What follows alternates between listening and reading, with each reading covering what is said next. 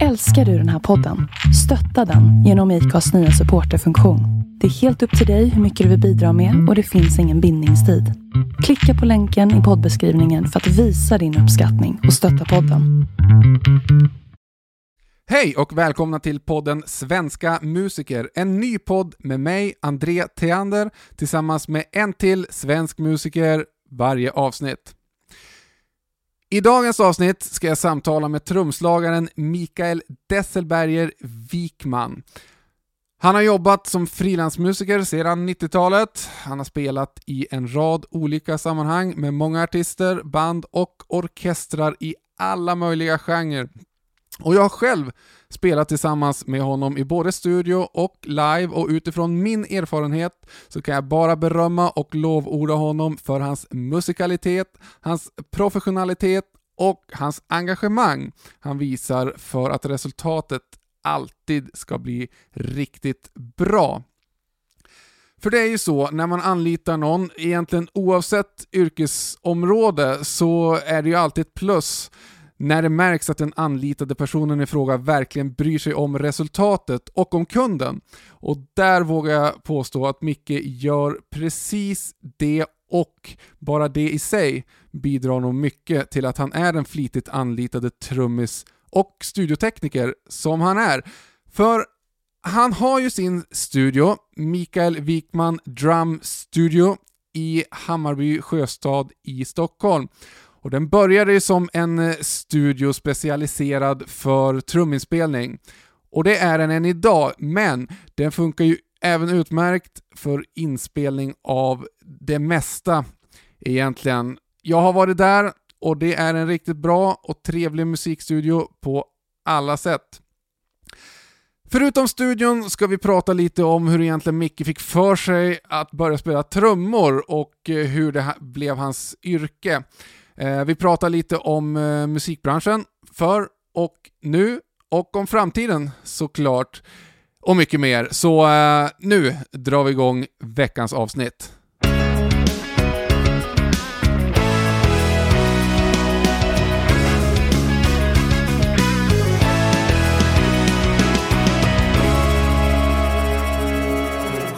Varmt välkommen till eh, podden Svenska musiker, Mikael Desselberger Wikman. Tack, tack. Hej, hej. hej, hej, hej. Du är ju först ut här. Hur känns det? Det känns spännande. Jag har varit med i någon podd tidigare, men, um, ja, men det, det blir kul. Se om man, om man kan bidra med något. Ja, precis. Men det, eh, det är jag nog ganska säker på. Ja, vi får se. Får se vad du har för frågor. Hur står det till eh, med dig just nu, personligt och yrkesmässigt? Det är lite konstigt läge som vi alla befinner oss i i världen och, och kanske inte minst då som frilansande musiker ju. Eh, jag tänker på det här coronaåret som har varit naturligtvis och som inte alls eh, är slut än på något vis vad det verkar, även om vi har gått in i ett nytt år då. Vi är inne i 2021. Men som sagt, hur, hur, hur går det med allt? Ja, nej men jag, jag är frisk och jag tror, tror att jag har klarat mig från eh, sjukdomar och annat sedan mars. Det, um, ja, det, jag har tagit mig igenom perioden hittills också rent yrkesmässigt. Det var ju, um, jag hade ett riktigt bra år där kändes det som, januari, februari med mycket bokningar. Jag, eh, min studie har tagit mycket fokus senaste åren. Jag har alltid gillat och jag har varit ute och spelat mycket tidigare. Och eh, kände lite där 2020 att det började komma tillbaka rätt mycket speljobb också, så, vilket var väldigt roligt. Och fick sitta in på lite teatrar och lite annat, lite turnéer som var bokade och sådär. Men eh, det rök ju ganska direkt där då, mars på två veckor så var ju alla speljobb borta. Men det har puttrat på lite i studion så att jag har haft att göra sedan dess. Så att jag, jag klarar mig på något sätt. Um, jag tycker det är lite så här um, det som hände där december och andra vågen. Där började det bli många av mina kollegor och sådär har börjat att göra lite annat i livet um, för att ta sig igenom den här perioden. Så att, uh, har nog tappat lite, lite folk här i studion som är här och jobbar lite i vanliga fall. Men uh, det känns väl som att det är väl förhoppningsvis bara att hålla ut några månader till. Så får vi hoppas att det, ja, det kanske inte blir som vanligt igen då, men um, får hoppas att folk vågar satsa lite igen och att det kommer igång med, med både musik, både ute och inne lite mera. Precis. Men du har ju haft din eh, studio som din, eh, som din huvudarbetsplats kan man säga på senare år. Menar du att därför det in, har det inte påverkat dig så mycket direkt, eh, utan mer att det har påverkat andra eh, som sen har påverkat din studieverksamhet mer indirekt då? Förstår jag dig rätt då? Mm. Ja, men det, det, man märker lite att folk kanske inte har eh, vågat satsa lika mycket och folk kanske inte har samma inkomst på musik eh, som tidigare överlag. Så, där. så att, eh, ja, ja, men det är klart man tappar vissa kunder och sen kommer det alltid lite någon ny kund också så där. Som, så att det är väl um, ja, men lite skillnad är det nog allt. Det, det, det tycker jag. Jobben lite mer begränsade sådär från att kanske ha fått vara lite mer involverad i lite mera i processen lite längre i kedjan till att eh, man kanske bara gör en specifik del nu då sådär lite mer. Okej. Okay. Ja, men eh, det om det. Eh, jag vet ju själv hur det har varit nu på sistone på gigfronten. Det har ju varit helt bedrövligt naturligtvis. Eh, men man får ju ha andra idéer på vägen. Å andra sidan fick ju för mig att starta en podd här nu till exempel. Ja, men det, det märker man lite med det är ju en otrolig kreativitet bland, bland musiker framförallt många som knäcker nya idéer och eh, nya vägar och sådär. Så att det är faktiskt... Där märker man lite vilken kreativitet musiker besitter.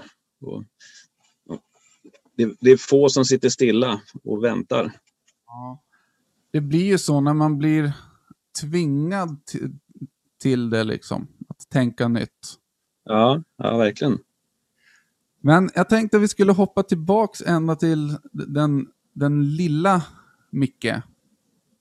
Ja. In, uh... hur, hur, liten då? ja. Två. Nej, men jag tänker framförallt uh, rent musikaliskt då naturligtvis. Uh, ja. För att, rätta mig om jag har fel, men visst hade du en musikalisk uppväxt eller musikaliska föräldrar i alla fall? Ja, jo, men det får man säga. Och eh, även mormor och morfar då. Morfar var ju eh, cellist och eh, han var väl en av de första som startade upp kommunala musikskolan som det hette då. Mm. Och eh, mina föräldrar var konsertpianister när jag var, föddes. Det var deras levebröd. Och, åkte runt och turnerade som, som eh, pianister båda två. Dubbelpianister. Och gjorde skivor och sen eh, fick pappa jobb på Musikhögskolan och som lärare och mamma fick anställning på eh, det hette regionmusiken på den tiden i Strängnäs då som blev anställd pianist. Så att eh, eh ja, det var mycket musik hemma. Så då, då var inte steget så långt sen då för när du började. För att du nämnde cello där, för, för du började med, med cello va? Stämmer det? Ja, precis. Och eh, ja, men det var nog så. Eh, mina föräldrar var ute och spelade mycket. Eh, turnerade och då fick mormor och morfar ta hand om mig och brorsan också. Och eh, jag spelade mycket med morfar då. Så han tog ju fram en liten minicello där till att börja med och så spelade vi tillsammans. Och jag tyckte det var jätteroligt. Så att det var mycket cellospel och sen... Eh, eh nu ska vi se. Jag höll ju på med cellon där, ja, ska vi se, vid 12 års ålder där då, där började väl trummorna ta över lite grann. Eller ganska mycket då. Mm. Så det var mycket klassisk musik i hemmet var det. Ja. Under de tidiga åren. Men det låter ju som en ganska bra grund att stå på. Ja, man kan ju hoppas det att man jag antar att man har fått med en del sådär i och med att man började tidigt. Men sen eh, framförallt så tror jag att man har ja, haft, haft förståelse. Och det här med det är väl aldrig något självklart val att vilja satsa på musik när man är liten och det är skola och annat och satsa på högre utbildningar sådär. Um, men det har aldrig varit något konstigt. Jag har haft bra förståelse från mina föräldrar och de har låtit mig få trumma i huset hemma utan att de har blivit tokiga på mig. Ja, så det, det, ja, men det, har varit, det är nog många fördelar så, det tror jag. Men hur började själva trummandet sen då? Ja, precis. Nu ska vi se här. Nej, men man, jag lyssnade ju själv mest på popmusik och ja, hårdrock och mycket rock sådär. Um, och jag tror väl, alltså det som, det var några frön tror jag som sattes. Dels så, jag gick på Adolf Fredriks musikklasser och eh, där var det mycket sång. Och vi fick göra ett projekt, det här måste ju vara kanske, jag var inte gammal, men eh, vi fick göra ett projekt med Randy Crawford, sångerskan. Och eh, vi fick gå in och, i studion och nu ska vi se, det hette Metronomstudion tror jag. Och göra, vi gjorde den här Give Peace a Chance. Ehm, eh, låten med henne. Och då vet jag, här är ett klart minne.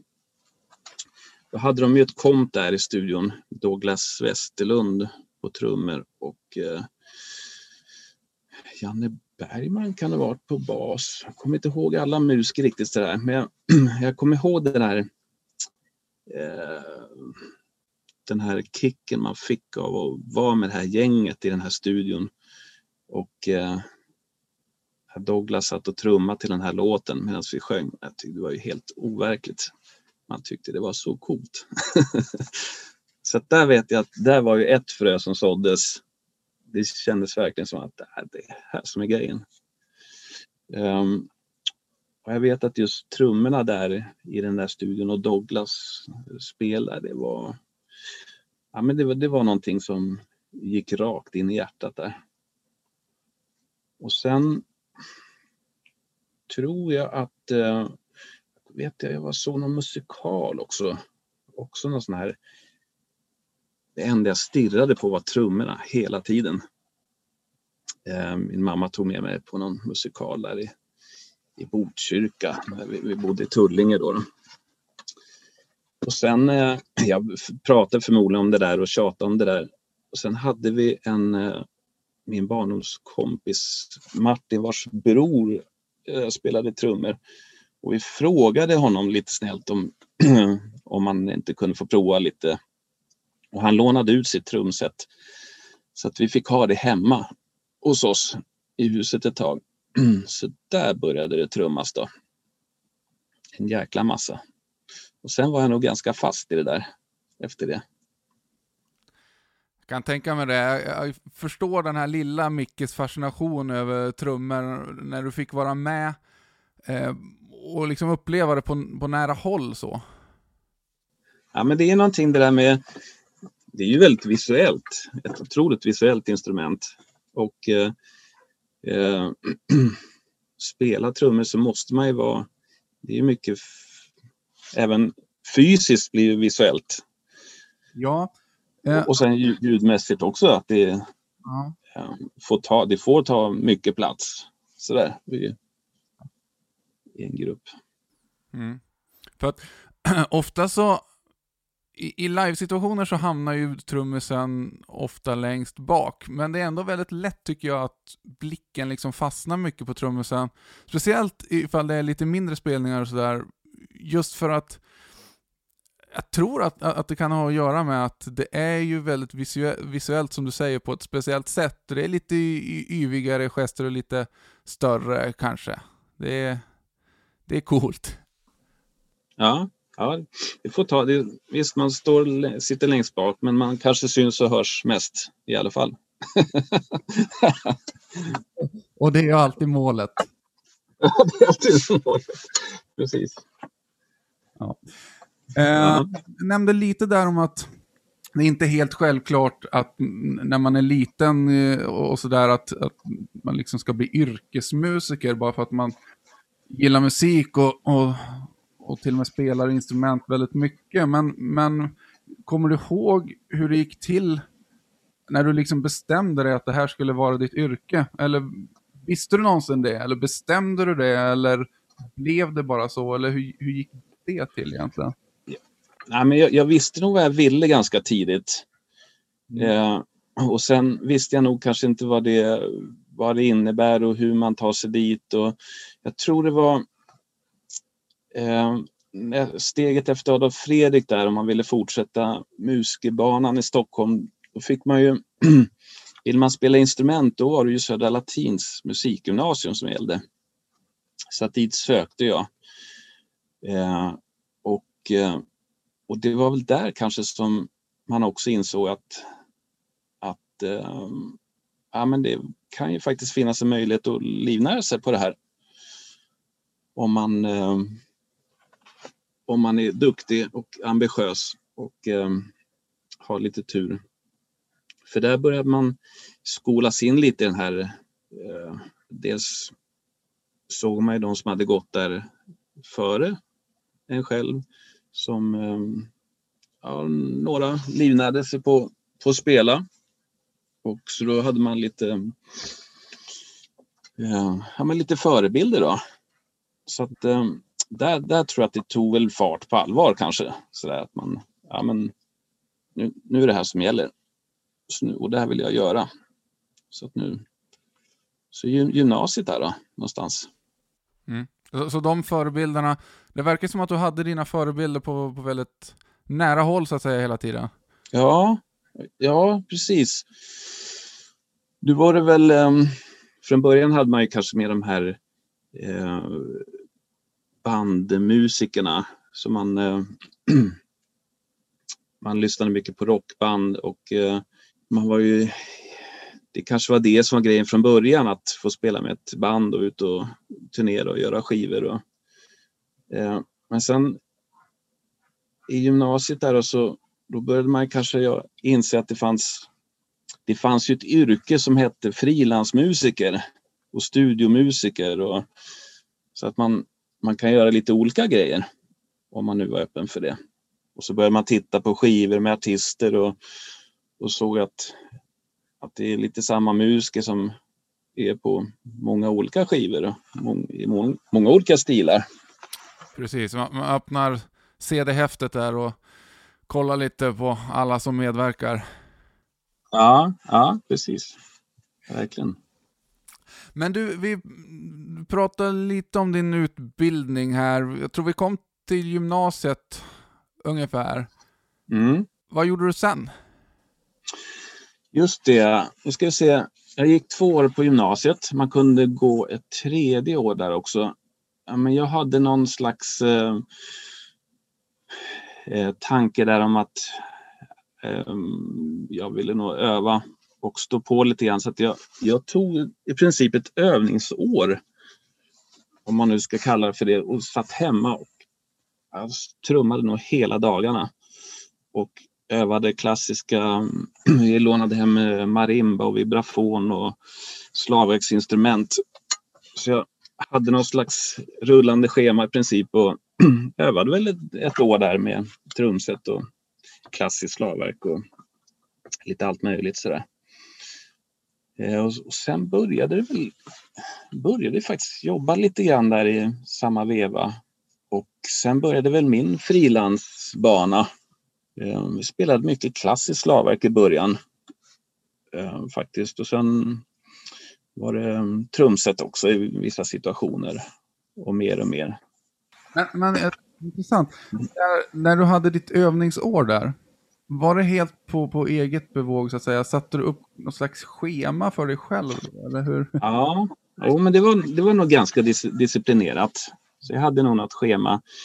Ehm, jag tror till och med att jag eh, bokförde lite grann så här, vad, jag, vad jag hade gjort och inte gjort och vad jag borde göra inte göra. Så, att, så att det, var, det var ett disciplinerat där, övningsår med målet att bli en bättre musiker och få lite mer färdighet i, få, ja, i allt möjligt. Jag tog lite privatlektioner också parallellt då så att jag hela tiden hade lite, lite nya grejer att jobba på så att man inte hamnade i den där follan och spela samma saker och grejer som man kan. Utan försökte hela tiden att utmana mig själv och lära mig lite nya saker. Mm. Och, men det låter som att du var väldigt disciplinerad och så här i det där. Och, så vad, vad, vad var det primära målet liksom? Eh, ville du bli bäst liksom? Eller var, var kom den här drivkraften ifrån? Nej, men jag, jag hade nog ingen, ingen sån där, kanske ingen virtuos eh, tanke med mitt övande. Jag hade nog ingen sån där att jag ville bli en artist med mitt musicerande, utan det var, det, jag tror att den stora um, moroten var just att kunna livnära sig på det. Så det var nog det primära och det, det var väl kanske en anledning att jag höll på med så breda saker också. Att jag höll på med både klassiskt och trumset och alla stilar på trumset också. Så att jag var väl inte den här som egentligen ville göra en grej bara och utveckla det till fulländo. Utan det var, jag ville nog satsa på den här bredden och försöka ja, se till att och kunna göra mig ett levebröd på det helt enkelt. Skulle du säga att det är det viktigaste som frilansande musiker i Sverige och kanske då om vi kan begränsa oss till att vara trumslagare, eh, att, att man har genrebredden liksom? Alltså det, det, var nog det då. Jag är faktiskt lite osäker på om, om det är så idag.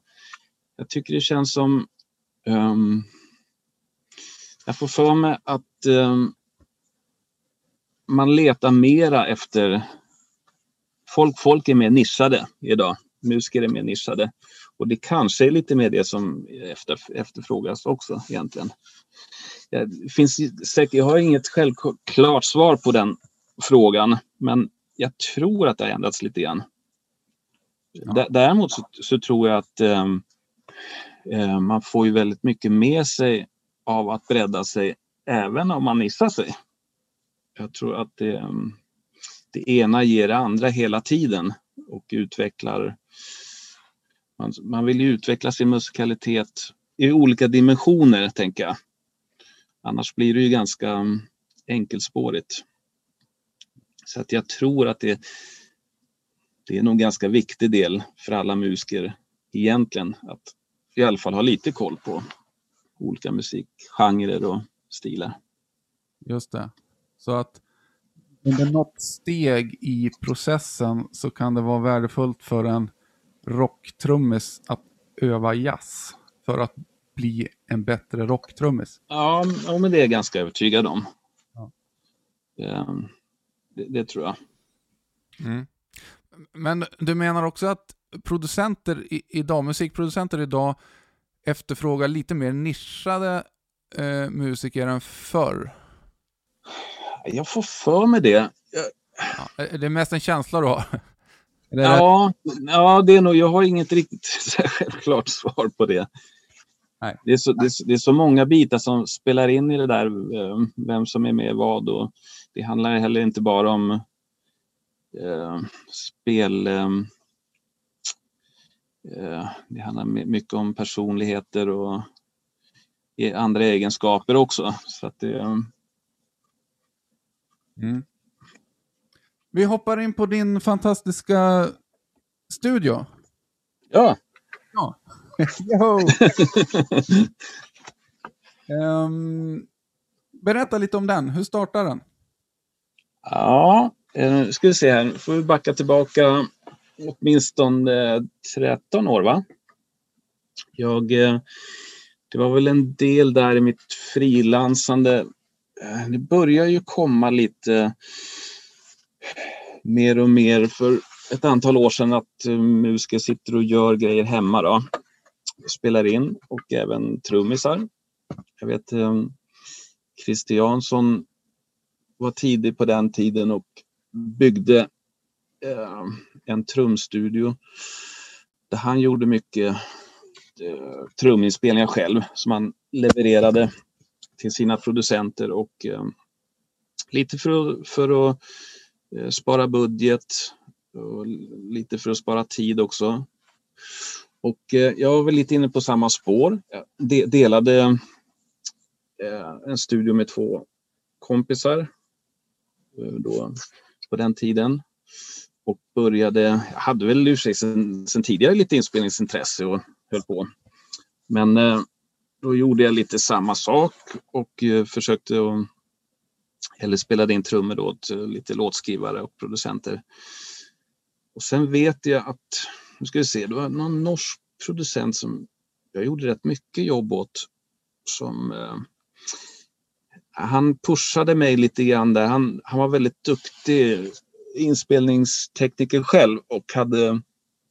Jag fick, han coachade mig lite om eh, vad det gäller mickplaceringar och vi försökte tweaka rummet lite sådär. Och, och vi landade väl någonstans in, där att han tyckte att ja, men du har ju spelet och du har ju vettig utrustning och sådär. Men om du skulle kunna fixa till ett rum som är lite mer optimalt för dina trummor, då skulle det gagna inspelningen otroligt mycket. Så att han sådde väl lite frö hos mig där att ja, men det här med akustik är ju rätt viktigt också för trummorna. Så där började ju min resa och jag höll väl på ett två års tid kanske och eh, leta lokal. Jag tänkte jag måste ha ett lite större rum och hitta ett större rum där man kan trumma i Stockholm. Det är inte det lättaste. Så att efter två år så hittade jag ett ställe i um, Hammarby sjöstad då, där jag befinner mig nu. Och där började jag min resa med att bygga.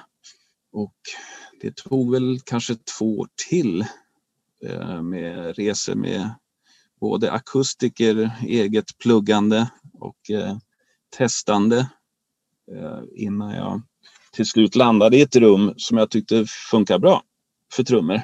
Och, ehm, så att, eh, första målet där var ju att göra egna grejer. Eh, fortsätta min, mina inspelningar åt eh, producenterna och musikerna och låtskrivarna.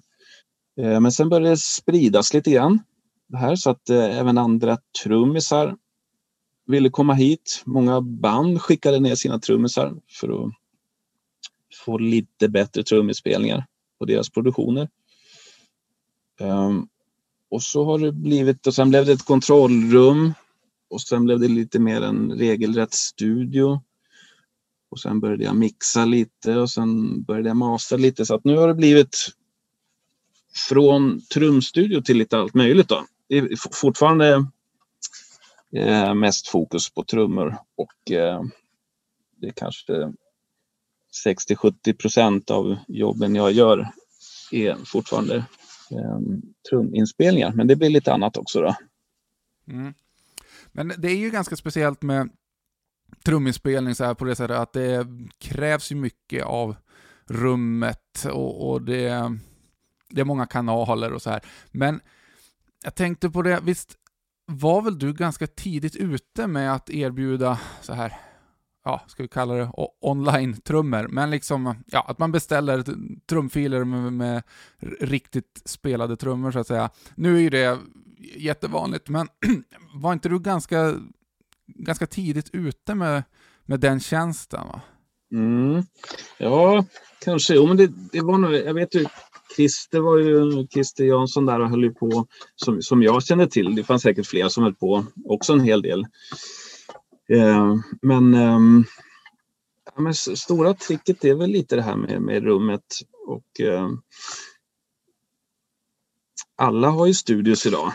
Och, eh, men eh, just trummorna är ju faktiskt lite beroende av ett eh, vettigt rum om man ska få det att låta bra på riktigt. Om man är ute, ute efter eh, riktigt inspelade trummor.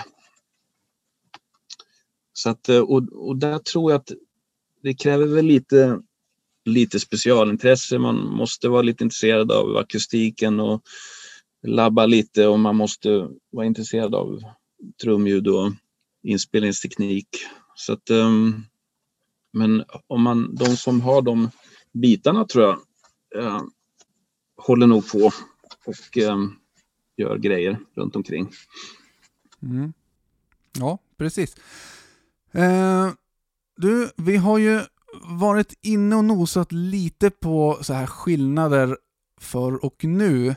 Eh, lite nyfiken på att höra lite mer dina tankar om det. Om man jämför musiken som sådan på något vis. Vad det är för skillnader i stort nu och om man backar ett gäng år. Och även hur, hur, hur vad du skulle säga de största skillnaderna är när det kommer till att vara musiker nu och förr. Ja, nu målar vi ju väldigt brett här. Yeah. Ja, det, det, gör vi kanske. Men okej okay då, om, om vi säger så här då. Eh, om vi begränsar det till att eh, jämför en ung, lovande trummis idag och jämför lite med hur det var när du var liten och väldigt ung och, och började.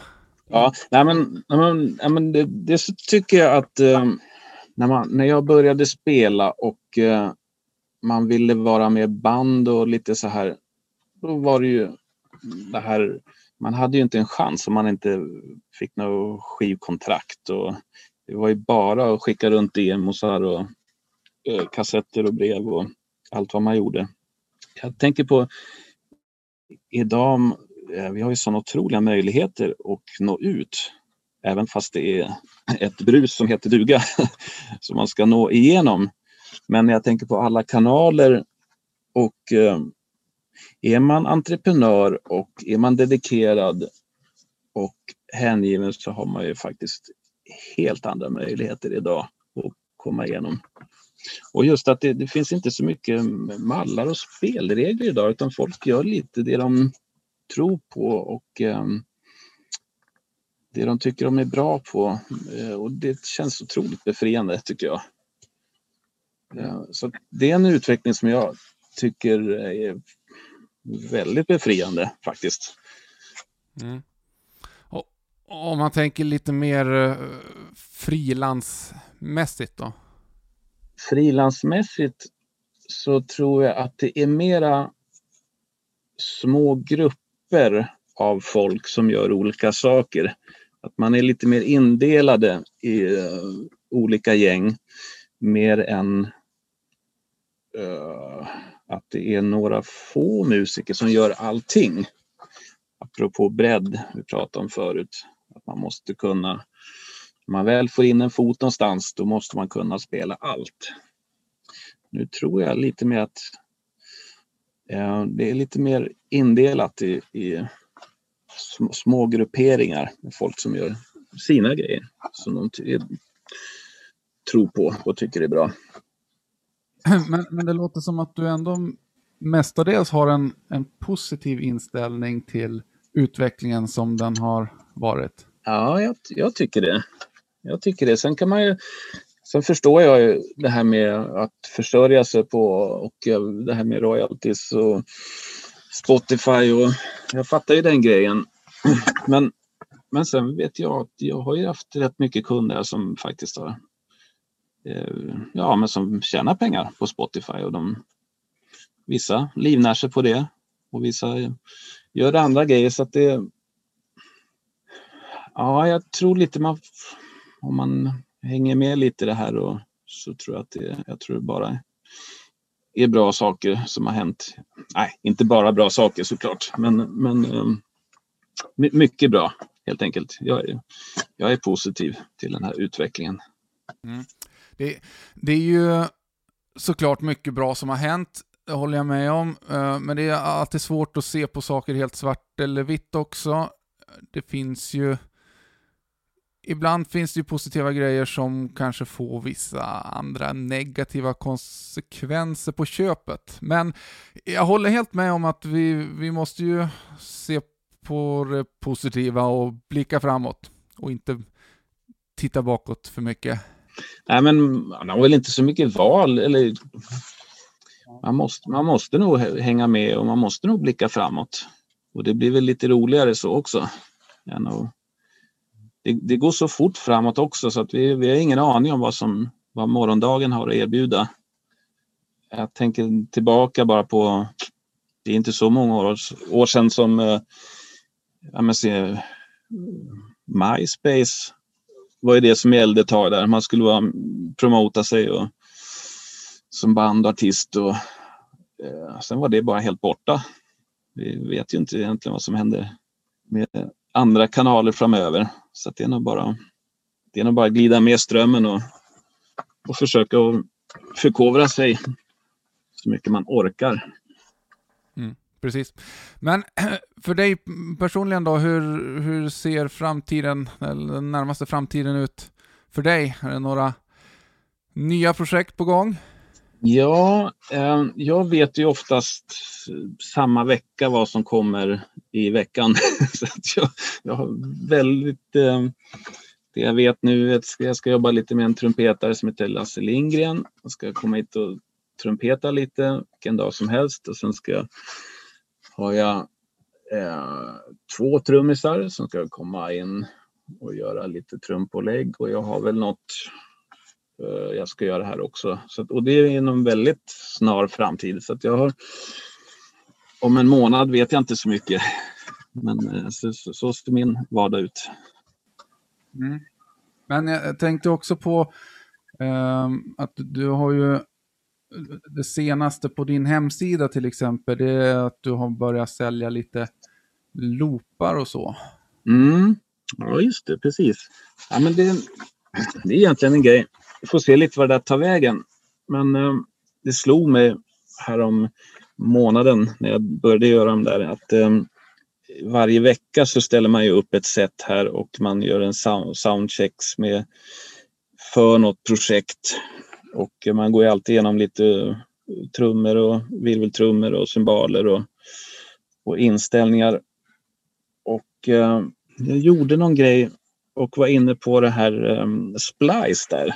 Jag, jag trodde, tänkte att det här med audioloopar var inte, att folk inte jobbade så mycket med eh, audioloopar just, men just det här Splice verkar hur stort som helst. Så då, då fick jag lite sån här, men när man ändå har allt uppriggat och soundcheckat då kan man lika gärna göra lite, lite loopar också. Och så kan man um, kan jag bredda min hemsida lite grann och lägga upp allt eftersom och se om det finns något intresse för det. Ja, så det är lite, ett litet experiment fortfarande. Se vad det tar vägen och se om det finns något intresse för. Jag har lagt upp ganska enkla grejer. Eh, lite vanliga sådana här akustiska trumkompo-grejer som, som start. Så får vi se om man kan utveckla det där lite grann om det finns intresse för det. Ja, och fördelen med att göra loopar med trummor och slagverk är att du behöver inte tänka så mycket på tonarter va? Nej, just det, exakt. Men tempon. ja, precis. Men är det liksom uppdelat då i uh, olika tempon, olika stilar och sådär också? Ja, jag gjorde någon sån här liten sök. Eh, man kan söka lite på uh, tempon och, och genre och sådär. Så det är väl tanken att det ska vara jag kan tänka mig att sånt där bibliotek blir väl kanske intressant först, först när det är um, finns mycket grejer så att det finns en del att söka igenom. Men, men det, det får ta sin tid och ska fortsätta jobba på det där lite grann. Se vad som händer. Ja, det blir nog bra och de finns tillgängliga på mikaelwikman.com va? Exakt, där har vi min hemsida och där finns ju fler grejer såklart. Men sålde inte du också några produkter, några grejer, några trumgrejer, några mickar eller någonting? Eller har jag, har jag helt drömt det här? Nej, men det stämmer. Jag hade ju, var ju involverad, eh, här är ganska många år sedan, en kille i eh, Los Angeles som började, började göra en, eh, en sån här subkick-variant som man kallade för Moon Eh, och eh, jag var väl med och ut, ah, jag ska inte säga att jag utvecklade den, men han, jag var lite betatestare kan man säga åt honom. Han, han skickade mig lite prototyper och så eh, fick han lite utlåtanden. Och sen eh, blev väl jag någon slags sådär, eh, skulle sälja dem där åt honom här i Sverige och gjorde det också ett tag. Eh, för sen, det som hände sen var att det, det blev så stort det där så att eh, DV, trumfabrikatmärket DV, tog över eh, det där. Och då kände jag att, att eh, då kan de få göra det. så att, eh, så att just, just den har jag lagt ner då, eh, den försäljningen. Det, det, går fortfarande. Jag har, ju lite, jag har kontakt med honom så att om man vill göra lite specialbeställningar. Han har lite roliga eh, finishar på de där man kan få eh, som inte går att få tag via DV så kan jag lösa lite sånt. Så det kan vara lite kul om man, är, om man har specialintresse i detta. Ja, och vad, vad var det som var speciellt med den här mikrofonen? Ja, men det, det är en gammal lösning egentligen som tekniker använde sig av på 70-talet redan. Och eh, det är det att det, det är ett högtalarelement som, eh, som funkar som eh, mikrofonmembran. Och det högtalarelementet gör det är att den tar ju bara de lägsta frekvenserna. Eh, tar bort allting ovanför ja, 300 kanske eller någonting. Eh, och, och den funkar som ganska bra komplement till ehm, Vissa har den till basförstärkare. Jag hade den till um, bastrumma. Den är fenomenal att ha till puker om man vill ha mycket, mycket botten ur pukorna så sätter man sån här under på under resonansskinnena på pukorna. Men, uh, men då ska man ha en, en uh, mikrofon, en vanlig mikrofon uh, också så att den här funkar som lite komplement och så lägger man upp blandar man upp lite av det här låga fluffet i mixen. Så. Det finns även de som, som eh, sätter såna här som rumsmickar för att få mycket så här botten i rummet. Och, så man kan ha dem till lite allt möjligt. Så där. Man kan, eh, det finns många olika tillverkare och man kan göra såna här själv också. De är väldigt spännande att labba med olika typer av högtalarelement. Och, eh, så att, um, ja, det är en väldigt eh, rolig lösning att experimentera med. Men jag funderar på en grej med det där. Eh, vad är fördelen med att ha en mikrofon som bara fångar upp de lägre frekvenserna så istället för att ta en mikrofon som, som tar upp ett större frekvensspektrum men att man helt enkelt bara sätter ett lågpassfilter på och skär bort allt som man inte vill ha? Ja, men precis. Nej, men det är lite, lite olika typer av, eh, eh av lågfrekvensmaterial. Eh, kan ju till exempel eh, om du har en sån här subkick, ett öppet element som de ofta var på 70-talet så får du väldigt mycket sustain i en sån. Så det, och det kan vara rätt trevligt, trevligt att ha, att det finns mycket information som, som eh, klingar och låter där nere så att det inte bara är ett, ett eh, kort anslag. Så det, det, är en liten annan typ av information där nere. Och sen är det, det är inte självklart att hitta mikrofoner som, som går så pass djupt heller. Om man, om man vill vara nere där eh, och rota i grumlet. Så jag kan inte få samma effekt då ifall jag tar en SM57 bara och skär bort all topp? Nej, det blir bara honk och knack. ja. ja, men, men om, om vi, det finns ju andra mikrofoner. Om tar, vad ska vi jämföra med då? Nej, men om vi tar en fet 47 då, som är vanlig till eh, bastrumman som verkligen har informationen på där man, där man vill ha den. Där den sitter i magen, den här djupbasen. Eh, men då är det också så där en, en subkick kan man göra själv. Man kan köpa ett NS10-element för några hundra lappar och så kan man sätta, göra en ställning. Eller så köper man en subkick för allt från en tusenlapp till tre, fyra kanske. Eh, men en Fet 47 får man punga ut med en ja, 30 va, för en ny kanske. Så att det, det, det är ett eh, ekonomiskt försvar. Ett ekonomiskt bra val. Att, eh, inte minst. Det är ekonomiskt försvarbart för att, att man ska få en väldigt fin kick. Botten. Ja, det tycker jag nog. Och sen, och sen är det, för, ja, men jag tänker lite på det här med att få lite sustain i den där högtalarkicken. Det, det är lättare att, om informationen finns där så kan man göra mycket mer, mer än i mix än om den inte är där. Om man bara har ett, en, ett punch, ett kort anslag. Så, men man kanske vill ha lite eh, någon slags sustain och häng i så det är svårt att konstruera i, mic, i mix. Eh, ja. Nu är det DV som eh, har, har, tagit över där och du konkurrerar inte med dem om det. Nej, nej. Min firma har nog inte tid med just den typen av konkurrens. nej, det känns ju som ett klokt beslut ändå. Eh, det finns mycket att prata om eh, och det har varit skitkul att snacka med dig nu. Mycket om allt detta. Det finns ju läge att återkomma och gå mer på djupet om grejer om den här podden står sig ett tag, vilket jag hoppas.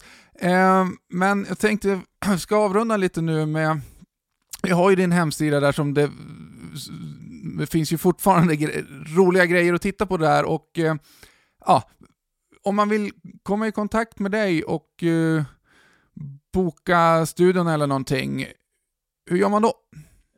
Eh, precis, eh, min hemsida kan man besöka då.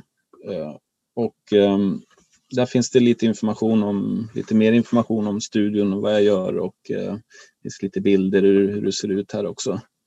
Så att, ehm, ja men om man vill kontakta mig så kan man gå dit på www.mikaelwikman.com. Yes. Och det kanske finns några andra moderna kanaler där man kan hitta dig? Ja, det finns ju på Facebook. Ehm, min studio finns också på Facebook. Och uh, finns på Instagram. Det finns på mail, info mikaelwikman.com. Perfekt. Uh, då säger jag Stort tack till dig Mikael Desselberger Wikman för att du ville gästa mitt första poddavsnitt här. Ja, stort tack. Det var roligt att få prata musik med dig. Ja, det är alltid roligt att prata musik och eh, till er lyssnare vill jag ju också säga ett stort tack för att ni har lyssnat och håll utkik efter eh, fler avsnitt. Det kommer ett nytt redan nästa vecka. Tack och adjö från mig, André Theander, med podden Svenska musiker.